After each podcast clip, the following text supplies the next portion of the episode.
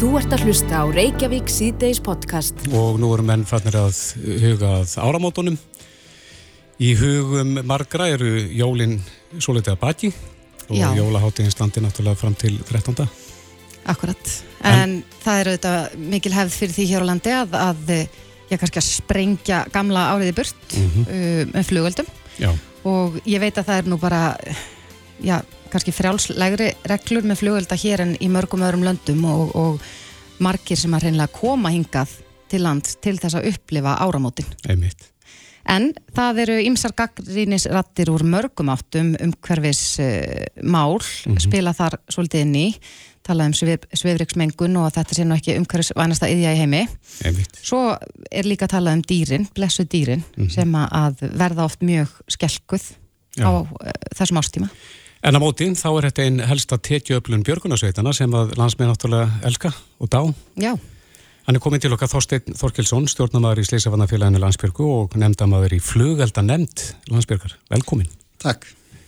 Já, við sáum í fréttum í dag að, og heyrðum að, að verða á flugeldum kemur til með að hækka núna fyrir þessi áramót, vantarlega eins og flest annað.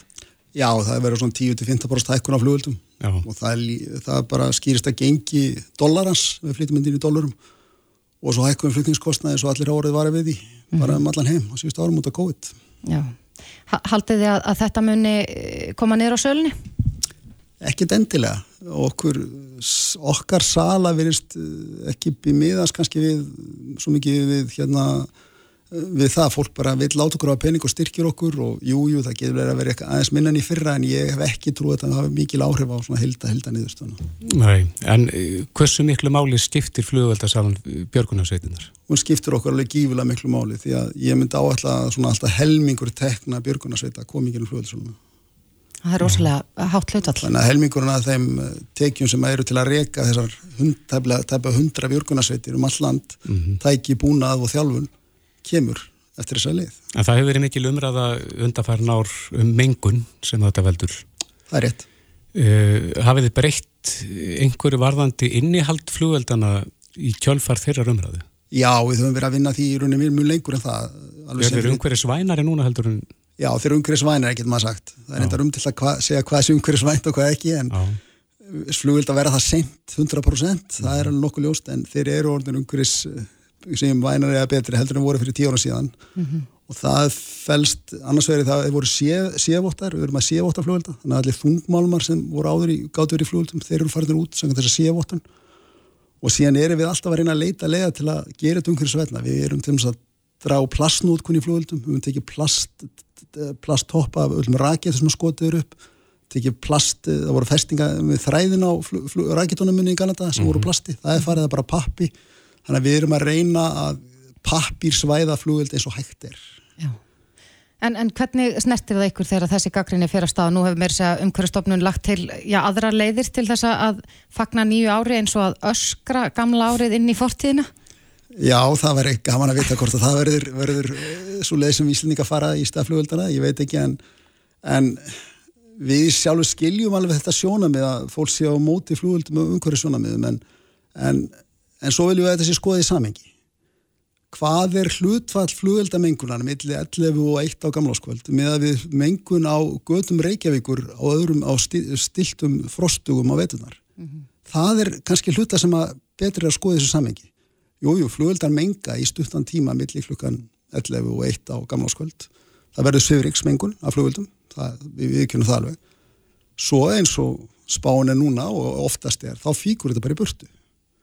Og við viljum að þetta sé skoðið í samingi og okkur finnst þetta erfitt að verja þessu umræði því að það er svo erfitt að segja, við viljum að banna bara flugvelda, það, er- það, það fer ekki einföld leið til að segja við við erum umhverfisvætni. En í heldar saminginu, hvað skiptur um miklu máli? Við svona setjum alltaf spurningamerki við það í okkar umræðum flugveld, mm umhverfismál. En við skiljum þessu umræði. en svo eru fleiri sem er að blanda sér í þennan marka og hafa gert undarfærin Okkar hlutfall í sölu á markað hefur minkað. Við erum ekki lengur með þennan yfirbröða hlutfall eins og hér. Við vorum, að því við töldum fyrir svona ekki mörgum ára með kannski 80% markað hluteld. Já, Ég hugsa sem sé komin einhver staðar nær 60, 65-70 í dag í mestalegi. já þannig að fólk kýs svolítið með veskinu.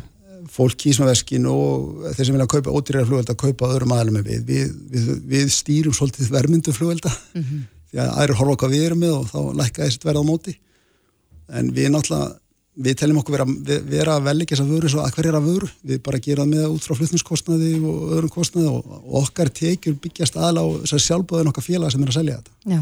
Það, að tekja nára okkur til. En þú taldir nú til ymsa hluti áðan eins og þungamálmanna sé ef vottuna plastið og fleira Já. sem að, að, þið hafi breytt í svona umhverfisvætni átt. Já. eru þekkið það hvort að hinn er aðlefni sem að, að selja Já, enga aðlætni sem er að selja flugvelda sé að gera slítið sama. Erum við að kaupa verri flugvelda þegar við kaupum ódýrða? Þú er bara ekki að tjá með um það, sko. ég Nei. bara veit það ekki. Við bara, við eiginlega, við, við náttúrulega vitum að við erum markasráðandi aðli, mm -hmm. við erum náttúrulega stæst aðli þóttum við minga eins og í telli kannski 60-70% markaði. Við bara, viljum bara hafa þetta í leið. Við náttúrulega erum slísaðan félagi landsburg. Þetta er ekkert auðveld fjáröflum fyrir okkur. Félagið er í slísafotnum björgunarmálum Þannig að við gerum okkur alveg grein fyrir ábyrð okkar og við erum að passa okkur eins og við getum. Það er bara okkar markmið, alveg, alveg óðið hvað það er að gera. Sko. Það er, er ekki okkar mál. Já, en e, svo hefur fólk aðra leiðir, það er að segja þeir sem vilja kannski draga úr flugveldanótkun, þeir mm. geta styrt ykkur annan háttið það ekki, er ekki með bakvarðasveit ykkur? Jú, jú, við erum með bakvarða fyrirkomulega, fólk getur gæst bakverðir og borgað okkur mánalegt gjald eh, eða, eða, eða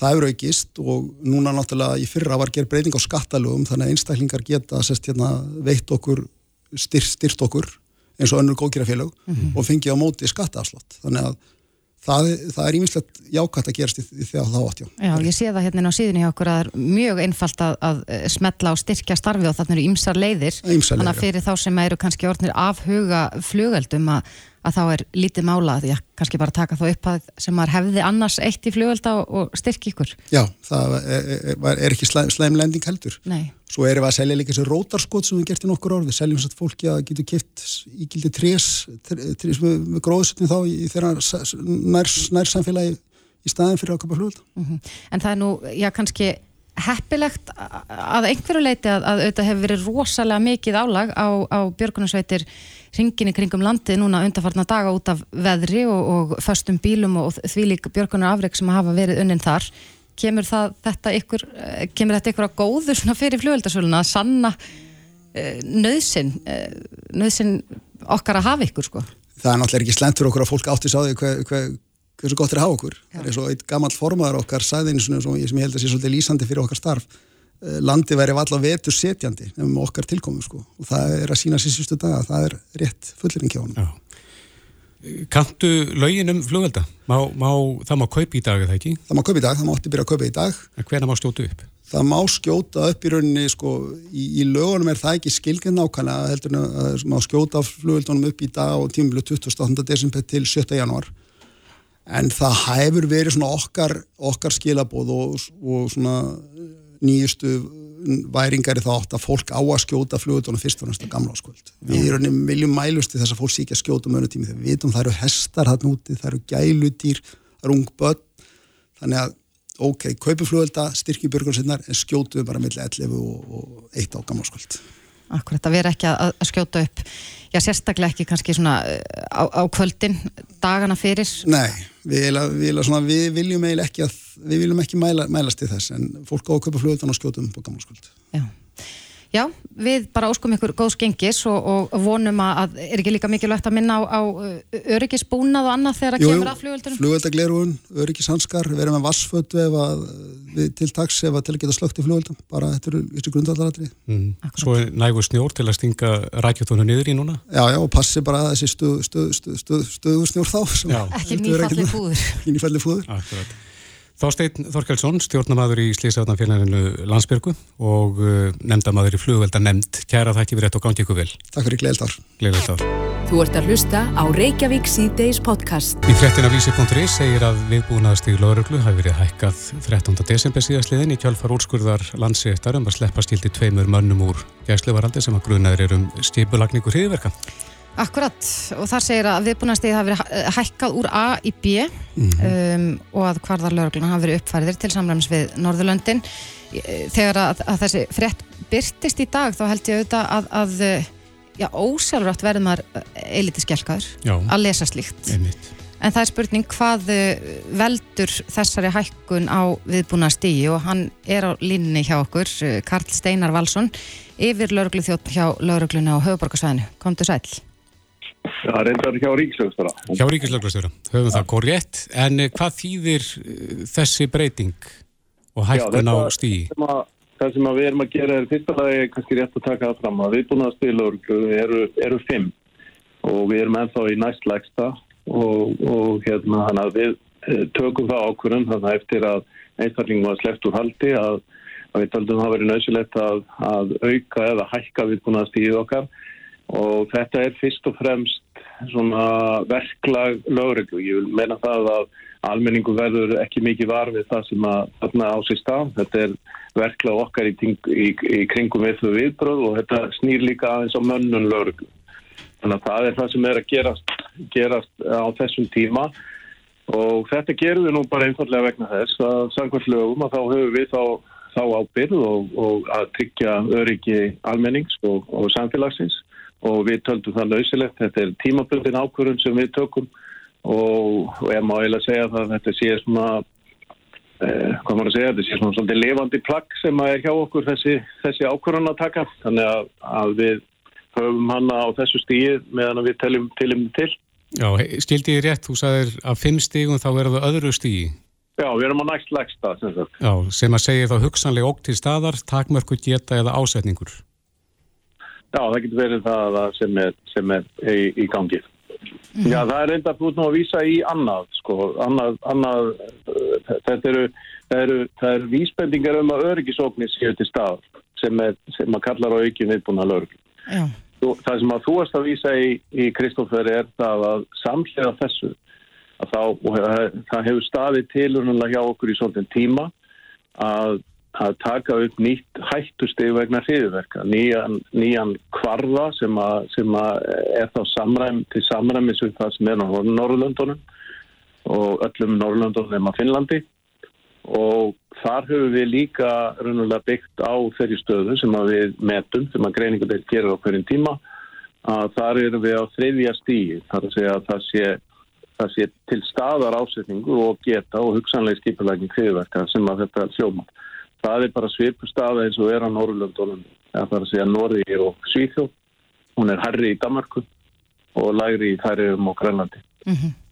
En, en eh, nú hafa einir ímsum menn tjáð sig um þetta í dag og meðal annars verjendur þessara tvekja manna sem að eh, voru í, gæsluvarhaldi um, og, og kalla þetta hreinlega síndarmennsku að, að lauruglan setja á svið einhvers konar leikrit. Hvernig breðist þið við því? Það mér er bara ákvæmlega ófægileg nálgun á þess að ég ætla að fara að munnhagast hann um það. Þetta er okkur berðsangvært lögum að hafa eh, hérna, að, að uh, gefa út ákveðin viðmið á því og það metu við af þeim gögnum sem við höfum á hverjum tíma. Og ég hvet hérna, fólk til þess að kynna sér bara þau gögn til dæmis þau sem að líka fyrir þessu máli sem að verið að tala um. Hvort sem að það er frá lauruglu eða frá Europol sem hefur ansvekkað öll reyðverkamál sem er í gangi í Európu og ég held að það sem er nær að, að taka svona svolítið með því heldur en okkur öðru mm -hmm. að þessu leiti en, en að öðru leiti finnst mér eh, það er mjög ófæðlegt að vera að slíta þessu eða höggva í, í, í famesku hvort sammans að því leiti, öðru leiti. En þessi hækkun eh, á viðbúnaði, hvað þýðir hún svona fyrir almenna lauruglumenn? Hvernig breytist verklæðið? Sko, ég hef kannski ekki tilbúin að fara út í það í details, sko. Það, þetta snýr fyrst og fannst af þeim viðbröðum sem að lauruglumenn geta þurft að sína og aðgengið er að ákvörðunum mannastygt sem að við erum að tryggja að sé skilvirkara og sé, sé hérna raunulega þetta hraðar öllu ferli sem er í gangi hjá okkur. En teljiði þá að þessi menn hafi aðgang að búnaði til þess að fremja hriðverk? Nei, við, við teljum það nú ekki vera. Við, við, ef við teljum svo vera þá myndum við nú grípa til, til annara aðgerða sem er flestu leiti myndi ég nú segja það. Mm -hmm. Er einhver ástæða fyrir almenninga að, já eins og ég saði þetta náðan að þá, þá eru þetta ókvæmilegt að lesa slíkar frettir að veri sé að hækka viðbúnaðstig vegna mögulegra uh, hriðiverka eins eins og sagt var nú frá í frettum í dag. Er ástæða fyrir almenninga óttast? Eh, nei, við, við teljum að með þessum viðbröð séum við einmitt að grýpa inn í það að almenningur þurfi ekki að hafa áhyggjur. og, og það, það er raunverulega tilefni til þess að, að við erum að gera það sem við erum að gera. Það er að stöðla auknu öryggi og að almenningur þurfi ekki að hafa áhyggjur af, af stöðunni. Það er tilefni þess að við erum að præðast við með þessum hætti. Já, akkurat. Eh, Karl Steinar Valsson yfir lauruglu þjótt hjá Ríkis lauruglustjóra Kæra þakki fyrir þetta og gleðilegt ár. Já, sumulegis, gleðilegt ár Þetta er Reykjavík C-Days podcast. Og uh, ætlum núna að tala um uh, ferðamennsku og veður, mm -hmm. færðavegum og fleira. Já, undanfarin, hvað ég var að segja, 2-3 ár, jafnvel fjögur, mm -hmm. og þá hefur það fæst í vöxt að vegum er lokað uh, vegna óviðus og ófærðar. Akkurat. Menn tíðar heldur náður? Já, og já, ymsir aðlar innan ferðarþjónustuna hafa nú bent á að, að það er ekki hægt að já, auglýsa Ísland út af við sem mm. einhvern eh, svona heilsárs ferðamanna stað og það er alltaf talað um það við þurfum að, að já, svona jafna það hversu margir koma hinga á, á, veturna og svo á mhm. sömurinn að eh, já, ferðarþjónustu fyrirtækin eh, vilja auðvitað að, að þetta sé, sé uh, mikill ströymur allan ás og syng. Einmitt og aðeinar í ferðarþjónustunni hafa verið þögulir í gegnum þennan tíma en nú ekkert neginn þá rýsaður upp á afturleppirnar og, og minna á mikilvægi þess að halda leiðum greiðum og hann er komið til okkar, Jóhann Már Valdemarsson, rekstarstjóri Tröllaferða, velkomin. Takk fyrir. Hvað er það núna sem að, hvaða dróp er það sem fyllir mælinn hjá ykkur? Það var, kannski ef að segja, Reykjanesbröytina hefði verið komist mjög nálægt í en, en það sem fyllti algjörlega mæli voru að vegurinn milli Víkur og Kirkjubæklaustur hafi verið lokaði núna í fjóra daga mm -hmm. Á algjörlega há anna tíma ferðið þjónustu Að ástæðu lausu að ykkar mati eða? Uh, við skiljum, það skilja allir þegar vegir eru lokaði vegna veðus. Það er bara hlutur sem að allir sem eru í hvort sem ferðunust eða búa Íslandi búast við og vita að getur gerst. En dagarnir aðna á milli, það var, var ekkert að veðrinu. Veðri var ekki slæmt. En það var einfallega ekki ekkert að opna vegina því það var snjór á Íslandi. Og það er náttúrulega í raun og veru bara rosalega skrítið að sé ekki að halda vegum opnum vegna snjós. Mm -hmm. um, já, það hefur nú verið bent á það að, að ég held ég að við hefst við tal við Íbó og Vík í sem að, að þau hafa nú bara aldrei séð annan einn snjó þannig að, að aðstæður eru vissulega kannski erfiðari núna en vanalega en, en er það ykkar mata að já, það hafi ekki verið unnið nægilega hart að því að halda veginum opnum með að riðja vegina? Sko um, þeir sem að standa að mókstri hafa öruglega verið að vinna mikið og lengi á daginn. Ég ætla ekki að alls ekki að gaggrina, gaggrina það en hvort það sé mannskapur, tæki eða hvað það er þá hljótu við geta gert hlutina betur og gert það þannig að það sé að það halda vegum þjóðvegi eitt opnum sérst hvort það sé í desember á háana tímaferðinu eða hvort það sé á öðrum, öðrum tímum þá verður við að, að geta búist við því að leið og veðri slótar að það sé að opna veginn mm -hmm. En þið eru þau þetta í miklu uh, sambandi við ykkar viðskipta vinni. Eru margir sem hafa komið hingað og, og kannski ætla sér að fara hringin eða fara í allskynns ferðarlög út um allt land og, og enda á því að dvelja bara í borginni? Já, það er alveg, það eru, við, sko við eh, bara frá okkur, eh, við hefum kansilað hundruð manns mm -hmm. og þúsundum, þús, þúsundum manna og þarna þurft að afboka ferðir og aflýsa ferðum og þarna þannig að sjálfsög skil á, á eiga ferðamenn erfitt með að skilja það þegar þeir horfa út. Ég var að tala við ferðamenn í dag sem voru í, í gær sem voru í vík og lit út og, og það var ekkert að veðrinu og skildi ekki að hverju gátt ekki komist frá A til B. Þeir voru búin að bóka jöklagöngur í skaftafelli eða ísellaferðir í, í breðamörkujökli og fólki vill að sjálfsögðu nýta tækifæri það er Íslandi er eftirsóttur áfangstæður og vetraferðamennska á Íslandi er rosalega stór hlutur, fólk vil komast upp á, upp á jöklana, það vil komast í Ísella og, og, og skoða landið.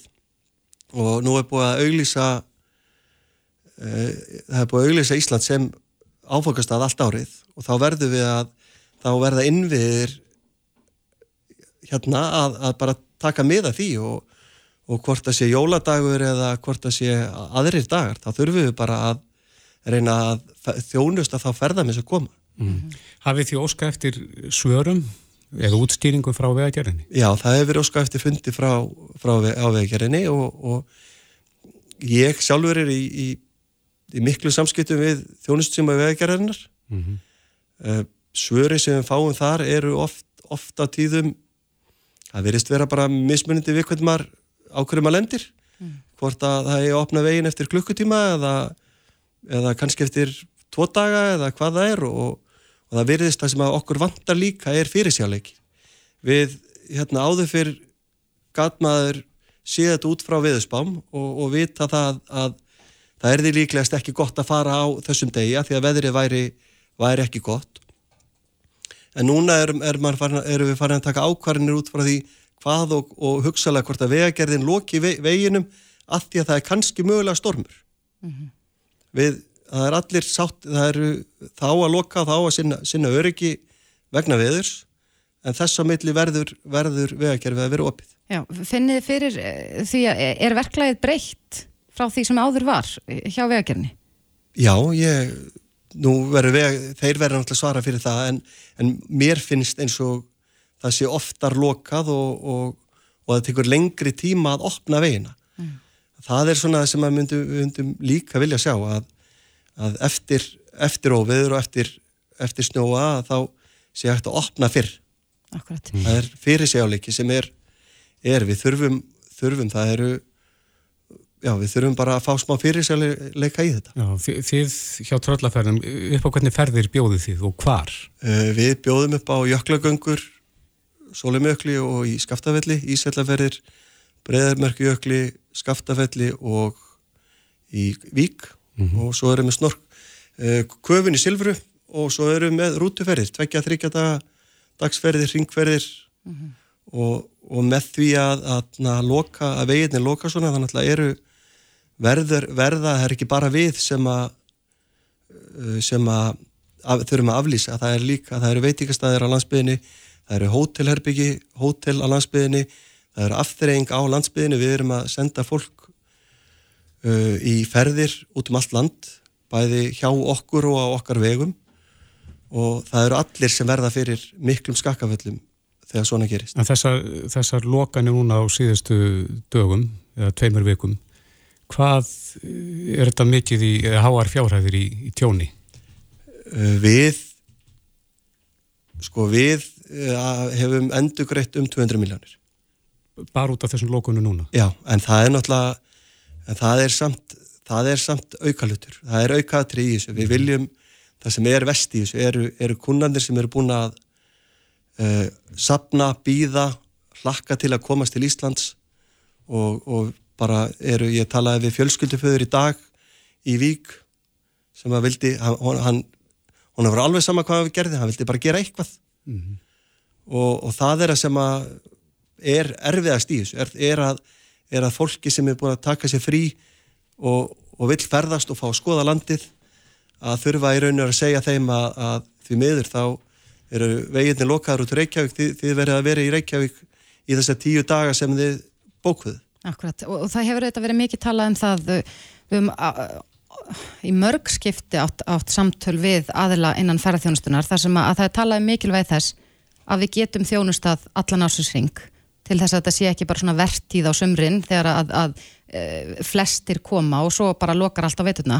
En e, hvað með orðspórið? Er, er þetta ekki hættulegt fyrir okkur ef, að, ef já, það breyðist út að e, það er varðla hægt að komingað? Jú, jú, við, sko, við, ég svara tölvupostum um það og, og hefur verið að gera það senustu daga. Að við erum að fá afbókanir fyrir ferðir sem er að gerast í janúar, janúar og februar að því fólk hefur lesið um hvað er að gerast í Íslandi og, og og afbókar þess vegna.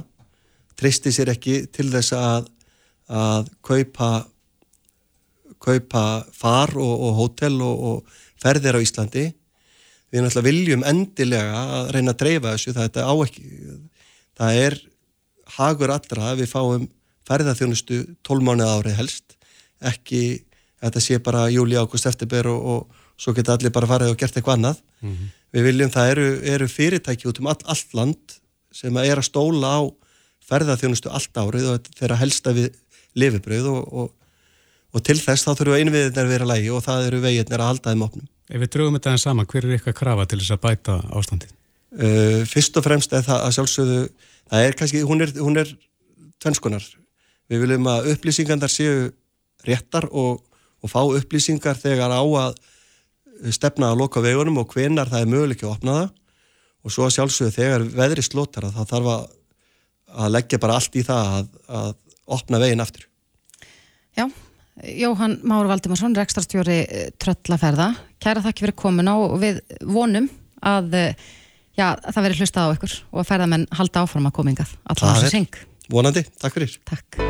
Þetta er Reykjavík C-Days podcast. Já, uh, varnarmál hafa verið mikið til umræðu á þessu ári síðan að Rúsland reðst inn í Úkrænu. En Baldur Þórhalsson, professor í stjórnmálafræði við Háskóli Íslands, skrifar á, á fjersbókarsíðuna sína Þyrtnir og svaf í heila öld, hversu lengi ætlum við að sofa á verðinum? Já, og talar um æbandi andvaraleysi íslenskra stjórnvalda þegar það kemur að varnar og öryggismálum og Baldur er komið til okkar, velkomin. Komið sæl. Ja, hva, eru við að feila? Sættið slettuna? Já, það er sko ég ákvað að skriða pistil í tengslu við e, nýja matskíslu þjóðuröryggisrás mm -hmm. á stöðu öryggismála í landinu og tillögur fórsættisráðura um breytingar á þjóðuröryggisstefnunni. Og mínu mati, svo við einföldum þetta, finnst mér ekki nægilega tekið tillit til sko herrvarna þegar kemur að þessum tveimur uh, þáttum heldur lúta mál sem tekið á bara einhverjum almunum almanna vörnum. Eins og það er nú mikið vakt, mm -hmm. þá held ég að hinn þáttin vandi. Ertu, ja, stiður það að, að herin komi aftur hingað? Að Nei, það, varnar svæði verði virkjað? Nei, ég, ég er að tala um þetta í, í miklu víðara samengi. Það er, ég er að velta þeirri spurningu upp, sko, hvaða hvað, hvers konar varnar viðbúnað vilja Íslands stjórnvöld sjá á öryggisvæðinu í Keflavík? Mm -hmm. Hver er afstafa Íslendinga og Íslenska stjórnvalda til þess? Öfða e, eru grunnstóður okkar þegar kemur að varnar á öryggismálum aðildinu Atlasasbandalæginu og tvílega varnarsamlingu við, við band, bandaríkin. En að mínu mati þá eru við aldrei fast, först ennþá í tímum kaldastrýsins í því að útvista dagstaglega stefnumótun í þessu varnamálum. Mér finnst til dæmis mjög mikið vegt að Íslensk við, við fáum að heyra það frá íslensku stjórnvöldum. Hvernig, á hvað vilja þau leggja áherslu á? Núna í þessu nýju matskíslu þjóðurökisrás kemur mjög merkileg niðurstaða fram. Það er sagt, ég bara mann þetta orðrétt hernaðilegt mikilvægi Íslands hefur aukist eftir innrás Rúslands í Ukrænu þetta kemur fram og, þetta, og að taka verið tilliti þess við stefnumótun og ákvarðan tökur stjórnvalda. Að mínu mati er það ekki gert í þessu tillögu fórstættisráðura e, í þingsalóttunum til að breytingum af þjóðurökisráði og ég vil með langar að sjá hvernig á að útfæra þetta nýja sko bara henni hættumat á stöðu landsins. Er það þvælast fyrir fyrir ekki að einna stjórnaflokkunum vil reynilega Ísland úr NATO? Ég held að e, þessi plögg beri þess nokkuð vittni að vinstri græn siti í fósættisráðunitinu og e, fósættisráð þeirra stýrir þjóðurökis ráði. Við vitum það náttúrulega sem segir að vinstirgræn vilja ekki að Ísland sé í NATO, vilja hlutlast Ísland, þau trúa ekki á sko varnar, við, sko varnar viðveru eða varnar viðbúnað sem fælingamátt gegn hugsaðleiri árás. Þau er bara með aðra stefnu, það er allt gott og gild, en þá vil ég benda á það að á tímu kaldastrýsins þá var það fælingamátturinn að byggja upp þannig varnaviðbúna ekki sér ráðist á þig sem virkaði mjög vel. Og fyrir lítil ríki er það sérstaklega mikilvægt sem get ekki værið sér sjálf að það sé svo mikil fælingamáttur til staðar að ekki komi til árásar óvinnasveitar og, og mér finnst mjög vikið að Íslands stjórnvöld segja okkur það. Ákvað vilja leggja áherslu á það kemur að uppbyggingu á öryggisvæðin í Keflavík við leggja áherslu á loftvarnir verja hafið í kringu landið eða landvarnir. Í þessum plöggum kemur til dæmis fram að það er leggja áherslu á e, norranna varnarsamunni varnamálum. Það þurfi að, að e, koma í vekk fyrir óstöðuleika á norðurslóðum. En hver er stefna íslenska stjórnvalda e, var þetta? Hva, hvað vil, hvaða þætti varnarsamunni vilja þau sjá að þróist meðan norðurlandana? Hvernig vilja þau koma á stöðuleika á norðurslóðum? þessum spurningum, mikilvæg spurningum er ekki svarað. Akkurat, en, en eh, já, vera okkar í NATO, hefur hún ekki nægilega mikinn fælingarmátt bara sem slík? Hún hefur gríðarlega mikinn fælingarmátt e, og eiginlega þann besta fælingamátt uh, sem er í bóði er, eigi að síður þurfum við að skoða það að við erum til dæmis eina aðeldriki NATO sem ekki eru með loftrými skjæslu, það sem gæsla er á, á, á loftrýminu e, kringum Ísland, allt áriðum kring. Öll önnur aðaldriki NATO eru með loftrými skjæslu allt áriðum kring. Við erum líka eina aðaldriki NATO sem ekki eru með fasta viðveru varnælis. Mm -hmm. Þannig að e, svo spurning lítur að vakna til dæmis varðandi þetta. E, eru við hugsaðlega veikast í hlekkunni varnakeðju NATO? Lít ekkur þannig á? ég er ekki að segja endilega við séum það, líta kannski ekkur þannig á, þau þurfum ekki að passa okkur á því að líti ekki þannig út. En, en ger það að verkum að við séum kannski auðveldari bráð en önnur ríki? Það er hættan uh, í þessu ástandi, myndi ég segja, og mér finnst þessi nýju tillögum ekki koma nógu skýrt fram áherslan af fælingamáttin, að varnar viðbúðunaðurinn sé þannig til staða hér á landi að fæla óvinnasveiti frá árás. Hvort, það er enginn að gera ráð fyrir ykkur allsýra innrás á Ísland. Ég er ekki að segja það. En það er hægt á skemdarverkum. Við höfum séð, það er verið að skemma kapla, sæstrengi, gastrengi, milli e, Norex og, og, og já, e, mörgum, á, víða og það eru, og, og rúsnestjórnul eru með skemdarverk og að reparun eigin borgara við, viðsvegar um heiminn E, það er líka hægt á e, einhverjum lítil, litlum takmörkum árósum frá okkur óvinnasveitum sem við getum ekki endilega tengt við einhverjum ákveðin ríki. Við þurfum að vera viðbúin svona háttum og undirbú okkur undir það og það er kannski eins og aðeins látið í þessum, uh, þessari framsækningu sem það kemur fram. Eins og átökjun Úkrænu get ekki breyðist út. Við skulum rétt vonuð breyðist ekki út og ég, það er ekkit meiri líkur þau breyðist út í dag heldur að gera fyrir sex mánuðum eiga síður hafa aldrei verið meiri líkur á að átök breyðist út í Evrópu frá lokum síður hefstrialdar mm -hmm.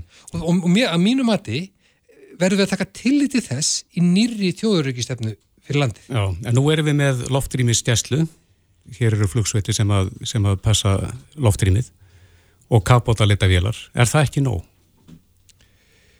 Eh, ég vil varpa þeirri spurningu fram og mér langar að heyra hvað stjórnvöld hafa að segja um það, finnst þeim það vera nóg? eins og ég nefndi á það, við erum eina ríki sem ekki er um loftrýmisgæslu allt áruð um, um kring og sko, þetta, þessi loftrýmisgæsla og sérstaklega kapótaleitinni kringu landi kemur einhverjum að sér vegna sem mats bandalagsríkjar okkar og bandaríkjarna þessu.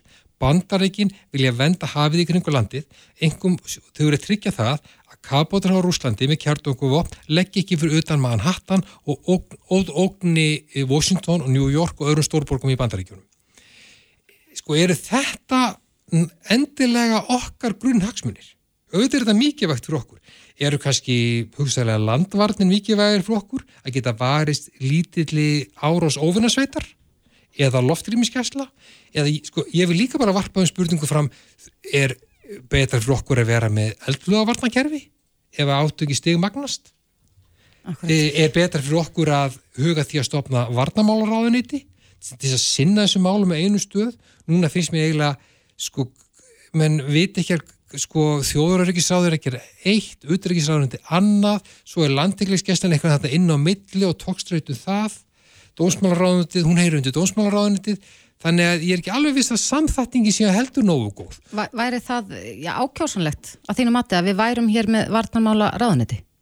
Ég held að minnstakosti að þurfa að samræða með þess að þætti betur. Mm -hmm. Mér finnst að e, e, það lítur út fyrir það minnstakosti að þessir aðilar, þjóðurryggisráð, auðryggisráðanettið og landgríðskeslan, jafnveg lauruglan, sé ekki allir að tala, tala saman og að senda fór sér plögg með, með, með sama hætti. Mm -hmm. e, til dæmis það er mat ríkislauglustjóra á mikilvægi forvirkra rannsóknarheimilda er allt annað heldur en því sem stjórnvöld vilja skrifa undir e, og er búin að vera það í meirin áratug. Það er nokkuð, það er nokkuð sér, sérstakt og tengisbeint e, öryggismálum, öryggismálum í, í landinu. Mm -hmm. Og ég held að það sé bara mikilvægt að við sem eru fræðimenn og svo bladamenn getum, leif, leifum okkur að spyrja svona gaggrinda spurninga og vonandi er það stjórnvöld eh, til í samtal við okkur uh, um þær. Og þú vonar, eins og segir í þessum pisli þínum eða hugleggingum að, að stjórnvöld vakni að værum blundi? Já, ég held að sé mikið vakt að við lítum ekki bara til almannavarna, sko fjarskiptu öryggis og netöryggis og fæðu öryggis eins og mikið vakt og það er, heldur líka hugum að því hvernig varna viðbúna við viljum hafa hér á landi til þess að geta brugðist við ef svo illa færi að átökinu Úkrænu stegmagnist. Já, Baldur Þóraldsson, professor, kæra þætti fyrir komuna. Takk ykkur. Reykjavík síðdeis á Bilginni podcast. Nú stendur hjólaháttiðin yfir og uh, háttiðinni líkur ekki fyrir ná 13. Nei. En uh, ræða biskups, jólaræðan, uh, Agnesar Sigurðardóttur vakti aðtekli en þar sagðum við annars að það veri þöggun uh, um uh, Guð Kristina manna Akkurat. í samfélaginu. Já og, og já, þessi ræða hefur nú, og, já, dreigir svona dilko eftir sig þar á margir list, já svona sínum viðbröðum við þessu. Inga Auðbjörg Strömland var hér í bítinu í gær og, og ég hefur gaggrínt biskup mjög harlega vegna hennar orða þarna í, uh, á aðfangadag. Já og segir meðal annars hallærislegt að kirkjan spili sér sem fórnalamp. Akkurat, en uh, já, það má segja að kirkjunu hafi borist óvæntur liðsauki. Já, Er ekki hægt að orða það þannig? Hann er sestur hjá okkur, Sævar Þór Jónsson, lögmaður, kom til sæl. Já, komið sæl. Já, þú, ég segist, verður hann þreyttur á því að, að já, kirkjan sé gaggrind ómaklega. Já, ég er svo sem enginn sérstaklega talsmaður sko þjóðkýrsins líkra en, en, en ég auðvitað uh, er orðin svolítið þreyttur á þessari umræðu sem verist vera svolítið tísku bylgja í þjóðfélaginu, gagvar þjóðkýrkinu sérstaklega. Þetta er hluti á okkar uh, menningar áruleið, þetta er uh, byggjum okkar síð fyrir á kristnum gildum og höfum gert í gegnum aldinnar og okkar þjóðavitund er svolítið tengd kristinni trú, þetta er, þetta er eitthvað sem að við höfum byggt okkar samfélag á og við höfum nú farið í gegnum ymsar hörmungar í, í, í, sögunni og, og það sem að ég hef, tel nú hafa bjargað þessari þjóð það er það að við höfum verið fastheldin í okkar trúmálum og fyllt okkar samfæringu í þeim efnum, það er nú hjálpa okkur í gegnum miklar hörmungar, svo samheldni sem hefur hjálpað að bjarga þessari þjóð.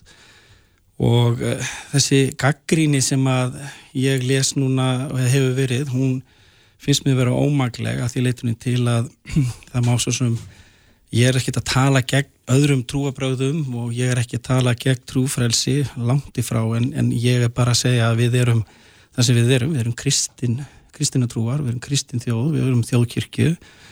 Og það sem að mér finnst líka sérstakt er það að það eru hópar uh, hérna sem gaggrína þjóðkirkjun og hafa uh, gert í gegnum tíðina og taka verist ekki vera með af þeim breytingum sem þjóðkirkjan hefur farið þó í og ég ætlum bara að benda það að ég er nú samkynnuð maður og, og, og þjóðkirkjan hefur nú hér áður fyrr talað gegn hjónubundum samkynneira en ég get sagt að í dag af reynslu að þjóðkirkjan hefur aðlæða sig að breytum, breytum samfélagi og það verður líka að fagna því sem að hefur verið gert þó að fortíðin sé, síðan svo hún hefur verið, sérstaklega hvað var það þjóðkirkjuna. Og þessi ræða biskups snýst ekkit endilega um þjóðkirkjins líka, það er verið að tala bara um uh, tilgangjólana, kristin gildi og þess aftar og, og ég skil ekki alveg þessa gaggrinni og þessari átt. En tekur undir það með Agnesi að það ríki ákveðin þöggun um kristna trú? Sko, já, að vissu leiti, ég verði að taka undir það því að það er búið að taka uh, þetta svolítið úr sambandi. Við, þegar ég ólst upp og, og, og það góða sem ég ekki tekið úr mínu uppbildi, það eru það að maður læriði um, maður læriði kristinfræði í skólum og það var bara raun og veru mannkinn sagan líka, það er bara hluti af því sem maður læriðum og nú á ég svon sem er 12 ára gammal og þetta er ekkert í líking, líkingu við það sem mað, maður upplifði og læriði sjálfur. Og ég get bara sagt ykkur það af mín eigin reynslu og það er það að það er bara mjög mikilvægt að hafa þessi grunngildi sem fælst í því að sem maður lærir bara í, í kristinfræði. Og, og, og mér finnst uh, það ekki vera mjög vinsalt að tala um þetta eins og við tölum um þetta hér núna. En hefur, hefur skólakerfi ekki bröðist við að einhver leiti með, með, með því að kenna bara til dæmis eins og lífsleikni eða setja þetta í einhvern annan búning sem er ekki kristinn? Jú, jú, þetta er, ég ætla ekki að trúa bræðfræði hvað að kalla þetta er ekki til líkingu við það sem það var og mér finnst uh, það sorglegt í svona litlu samfélags okkar og, og þá sögu sem við höfum, sem er stórkosli saga, þetta er Ísland að, að búa í gegnum þær hörmungar sem við hefum búið í gegnum og hafa haft okkar trú og okkar, þetta er hluta okkar þjóðarenginum að vera kristinnar trúar mm -hmm. að, að reyna að taka þetta svona úr sambandi eins og mér finnst vera gert, það finnst mér sorglegt og, og það er bara mín persónulega skoðun en auðvitað náttúrulega búið við í samfélagi sem er breytt og það er Við erum auðvitað í samfélagi þar sem að þeir eru ólika skoðanir og ólíkur hópar og það er bara gott og blessað en við höfum þjóðkirkju og, og, og meiri hluti þessari þjóði er kristinatrúar þó að það sé ekki endla allir í þjóðkirkjunni þá eru til aðri söpnur sem að þarf að taka til í til vantarlega. Já, auðvitað og ég, sko, en, en, en það virðist vera með til dæmis þessa gaggríni að þeir sem gaggrína fara á þessum söpnuðum þetta snýstu um það að þjóðkirkjan sé hér eitthvað ægivald þetta er þetta þjóðkirkja sem er á, á fjárlögum eða fær fjármagn frá hinn ofinbera en það er búið að breyta gerðinu líka þannig að fólk ræður núna hvort að, að, að, að það seti fjármunni í þjóðkirkjuna eða ykkur aðra söpnuði en breyt, og svo náttúrulega er líka annað debatt sem hefur sérst að hvort að við eigum yfir höfuð að setja fjármunni í trúmál og það er þá bara einhver önnur umræða. En þessi gaggríni sífilt á þjóðkirkjuna það, er, það finnst mér mist hún óvægin og mér finnst hún ekki sangjöld Nei, en eh, já, þú talaði nú um það hérna rétt á þann að eh, já, kirkjan hefur svona aðlagast að, að samfélaginu að einhver leiti, mætti hún gera betur? Mér finnst kirkjan hafa stíði stórskref og, og þjóðkirkjan sérstaklega. Og ég manu bara þá tíð þegar að, að, að hér voru til dæmi sérbrúarsöfni sem gaggrindu eh, samkynniða og, og, og hjónabund samkynniðra og það var sko haf, haf, hafður sko munnsöfnu sem ég ætla nú ekki svona að hafa eftir sumum þekktum uh, trúbóðum hér á Íslandi og fleira. Þjóðkirkjan að vísu fór kannski aðeins svona fítna í hlutina en þjóðkirkjan hefur þrátt fyrir allt tekið breytingum og aðlagast og það verður ekki sagt um suma sértrúasöfniði eða sértrúasöfniði því þjóðkirkjan er alltaf bara þjóðkirkjan en, en um aðra söfniði. Mm. En þú tekur undir með Agnesi að það ríkja ákveðin þokkun. Hver stendur fyrir henni? Sko þetta er, sko ég, þegar upp í staði þá er ég ekkert viss um það að meirluti þjóðurinnar sé eh, sammóla þessari gaggrinni. Ég held þetta sé bara lítill hópur eða þannig séð. Um, þessi þöggun sko það er til dæmis innan stjórnkerfið síns hér í borginni til dæmis er, hef ég upplifað það að það sé þannig að það eigi ekki að, að halla sér upp á þjóðkirkjunni og við eigum ekki að, að uh, leggja áherslu á það að, að hér sé þjóðkirkja, það eigi að vera ríki ákveði frelsi og ég get alveg tikið undir það að fólki að hafa val. En það breytir bara ekki þessari staðrind að við erum það sem við erum mm -hmm. og, og það er þannig að ég held að sé bara skýrst að dæmið um þess að þöggun er það að hér kemur biskup og heldur ræðu um, um, um, um bara kristin gildi og bóðskap jóla.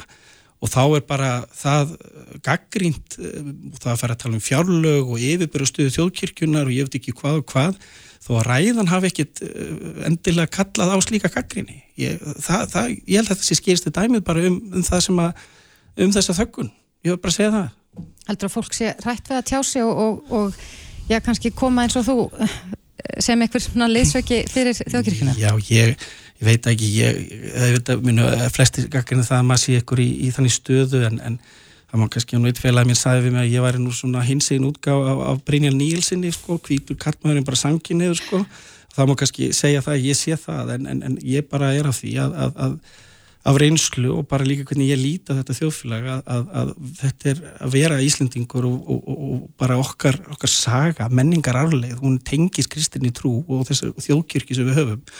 Og við verðum bara að horfast í augu við það, við erum þess við erum. Já, það verður, ég eh, fórast nefnilega að sjá hvort að þetta mál verði áfram til umfjöllunar en, en auðvitað hafa málefni kirkjunar alltaf verið að borða á gáma eh, í gegnum tíðina. En Sævar Þóri Jónsson, lögmaður kæra þakki fyrir komina og gleðilegt ár. Sumulegis, takk fyrir. Reykjavík síðdeis á Bilginni podcast. Það er mm, skemmtileg frétt sem við rákum stáðun á Smartlandi á mbl.is. Já. Það er verið að tala um eldústískuna sem er á útleið. Er það tíska sem hefur verið þá við líði núna undanferna árið eða? Já, mér sýnist það og, og uh, þessi grein er skrifuð upp úr grein sem byrtist í uh, Forbes tímaritinu mm -hmm. en þar var rætt við fjölda sérfræðinga og voru dregnir saman þessi tísku ströymar sem hafa verið mjög vinsælir í, í eldhús hönnun mm -hmm. um allan heim já. en eru ótlið já. og ég, þegar ég sko já, las fyrstu orðin í þessari frétt á gatjan álega gíska og hvað það var mm -hmm. það hafa verið svona mjög ábyrgandi ströymar í, í svona þessari eldhús hönnun Er þá ár. litir eða hönnunin sjálf? Ég er bara bæði nefnilega. En til þess að ræða þetta við okkur erum við með á línu hana Hönnustínu innan hús arkitekt, komdu sæl. Sælveri. Já, Hanna Stína, þú sást þessa frétt líka og þarna eru taldir upp svona hennir ímsu hlutir sem eru á útleið uh, samkvæmt þessum sérfræðingum Forbes. Ertu, ertu sammála þessu sem þar fram kemur? Ég er sammála og ósammála. Það er svona, það er svona góður punktar en hérna, en það er ímislegt sem að ég hugsaði þegar ég las fréttina Mm og hérna, Farðaðins yfir það með okkur, Hva, hvað segja þessi sérfræðingar að sé á útlið? sko, þeir tala allir um um hérna allt, allt, eigi, allt sem, sagt sem er kvítt sé úti. Já. Ég er svolítið, svolítið sammála því. Um, ég hef ekki gert kvítt eldhús í nokkur ár, Mm alveg kvítt. Er eitthvað sérstök ástæði fyrir því? Mm, það kannski er maður að leita eftir einhver svona meiri, meiri dýft í einhverjum lit eða áferð. Mm. En hvað er þá að koma aðlega í staðin? Er, er þetta dökkir litir eða bara alls konar? Já, dökkur viður hefur verið mjög vinsall til dæmis og, og litir og, og, og lakk í lit, ekki alveg í hvítum. Er þetta að segja að einhver, einhver eitt litur sé betur en annar fyrir eldús sem að einhver það matalist eða eitthvað slíkt? Þannig að tala um að hérna appisínugur auki matalist. Já, já, Ég veit ekki alveg hvernig er að sprauta allt eldur sem appisínugur. nei, En hérna, en hérna kannski, uh, sko, það sem að er vinsælt og er klassíst, myndi ég segja að væri dökkur viður. Mhm. Ekki, þú veist, eik sem er litið í einhverjum tónum, en ekki endilega þessi orginaleik sem er alveg gul eða drautóna. Nei. En, en hvað var það fleira sem að, að, að þessi sérfræðingar uh, já, telja vera á útleið? Svo, svo er verið að tala um að opin eldhús sé ekki vinsæl lengur. Mér finnst það nú alveg kannski bara fara mest eftir húsinu, hvort að það hendið ekki að hafa eigu og allt opið eða kannski eldhús sem er með kannski smá búri á bakvið Mm því að þú veist, ég er svona hamfara kokkur og ég myndi gætna vilja bara fela allt, uh, allt allar aðferðir mínar bara á bakvið annan vegg sko. mm, inn í búri. Já, en það, ég hef verið að tekna svolítið svona hliðar eldhús eða búr. Já. En þetta hefur auðvitað verið mjög vinsælt. Eigur eru, já, eigur eru sko frábærar af því að þú kannski snýr, sérst, þú ert að elda, þú snýr framann í fólk, þú ert ekki að snúa baki, ekki með allt, snýrið ekki upp á vegg. Nei. Það eru eigur svolítið skemmtilegar og svona, og draga eldur sig út á gólf. Mm Ég, ég eh, þekki það nú bara sjálfa að hafa búið í íbúð þar sem að eh, já, eldúsi var bara á öðrum staði íbúðun og mér fannst ég alltaf missa af öllu sem var í gangi ef maður var að halda matabúð og ég var bara först með svundurinn í eldúsi. Já, var, var eldur sig í öðru herbyggi. Já, bara, með, já, bara sér herbyrgi. Eh, eins og íbúru teknaði þetta á flest hús, þá er eldur sig 90% tilvega opið við stofu.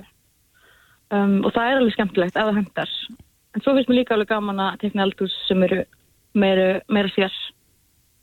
Akkurat, en, en þessi sérfræðingar allavega vilja meina að, að þetta sé á útlið og, og uh, það fyndi að það stendur hérna í, í greininu á Smartlanda að já, flestir verktakar landsins fá fyrir hjarta þegar þið lesa þetta. Já, einmitt. Ég, við náttúrulega, ég eltum svolítið bóluna og hérna, þetta hefur verið mikið tísku að vera með eigur. En ég held að þetta sé alls ekki útlist, bara alls ekki. Ég held að, að það er, það er ósvart og hvítt að segja það, sko. Mm en, en er eitthvað sem er að, að koma upp núna? Eitthvað nýtt. Já, Um, ég myndi kannski segja, jú, það er, það er að gerast meira að maður er að tekna eldhús sem eru svona kannski tvöföld, þú veist, þú ert með auka eldhús og bakvið að plossið er í það. Byrju hvernig þá? Um, þá ertu kannski með svona eins og Butler's Pantry ef maður sletta á ennsku. Þá ertu með það lítið búr sem þú getur unnið í líka. Þannig að þú ert ekki með allt eldhús alveg opið og hérna, eins og segja, ég er hambárakokkurinn og ég myndi gert að vilja hafa eitthvað, eitthvað skonar kannski eitthvað, eitthvað stað sem maður getur fara á bakvið og, og vera með auka eldhús Já. ef það plossið það. að því að þú ert að tala um, um búr, þetta Já. þekktist náttúrulega hér í gamla daga hjá ömmu og afa, að það, var- það voru búr. Já. Hafa Já, þau horfið og er að koma þá aftur núna? Já, ég myndi segja sko, já, og ég myndi segja að þú veist, þú veist að breyta búrinu í svona lítið eldhús. Þú ert með borðpláss, þú ert ekki bara með hillur Já, og þú ert með auka vask þar inni. Já, þannig að þú getur verið að skera kjúklingin og, og, og, verka kannski svolítið Já. matinn þarna á bakvið luktardyr og farið svo og gert þetta fallega þegar að, það sem aðri sjá til. Og emitt, og hérna þarftu einhvern veginn, kannski það eru vel inn og annað. mm Þú þarftu ekki að vera með allt alveg on display. já, búri hefur líka alltaf verið svona svolítið kallt herbyrgi. Já, já, kannski er þessu núna. En já, líklega í gamla dag hefur verið köld geimsla. Já. En annað sem að, að kemur fram þarna eru efri skápar og uh, já, ég verði að viðkjanna það, ég veit nú ekki bara hvernig eldús funkar almennilega án þess að hafa efri skápa. Er, það, er, er, er mikið um það að fólk sem hinnlega bara sleppa þeim alfarið? Um, sko, það er oft, eins og trendi hefur verið, ef, við slettum aftur, þá er það þannig að þú ert með eigi og þú ert með háan skápavegg sem er allir lokaður. Mm. Það að þú ert ekki með enn efri skápa.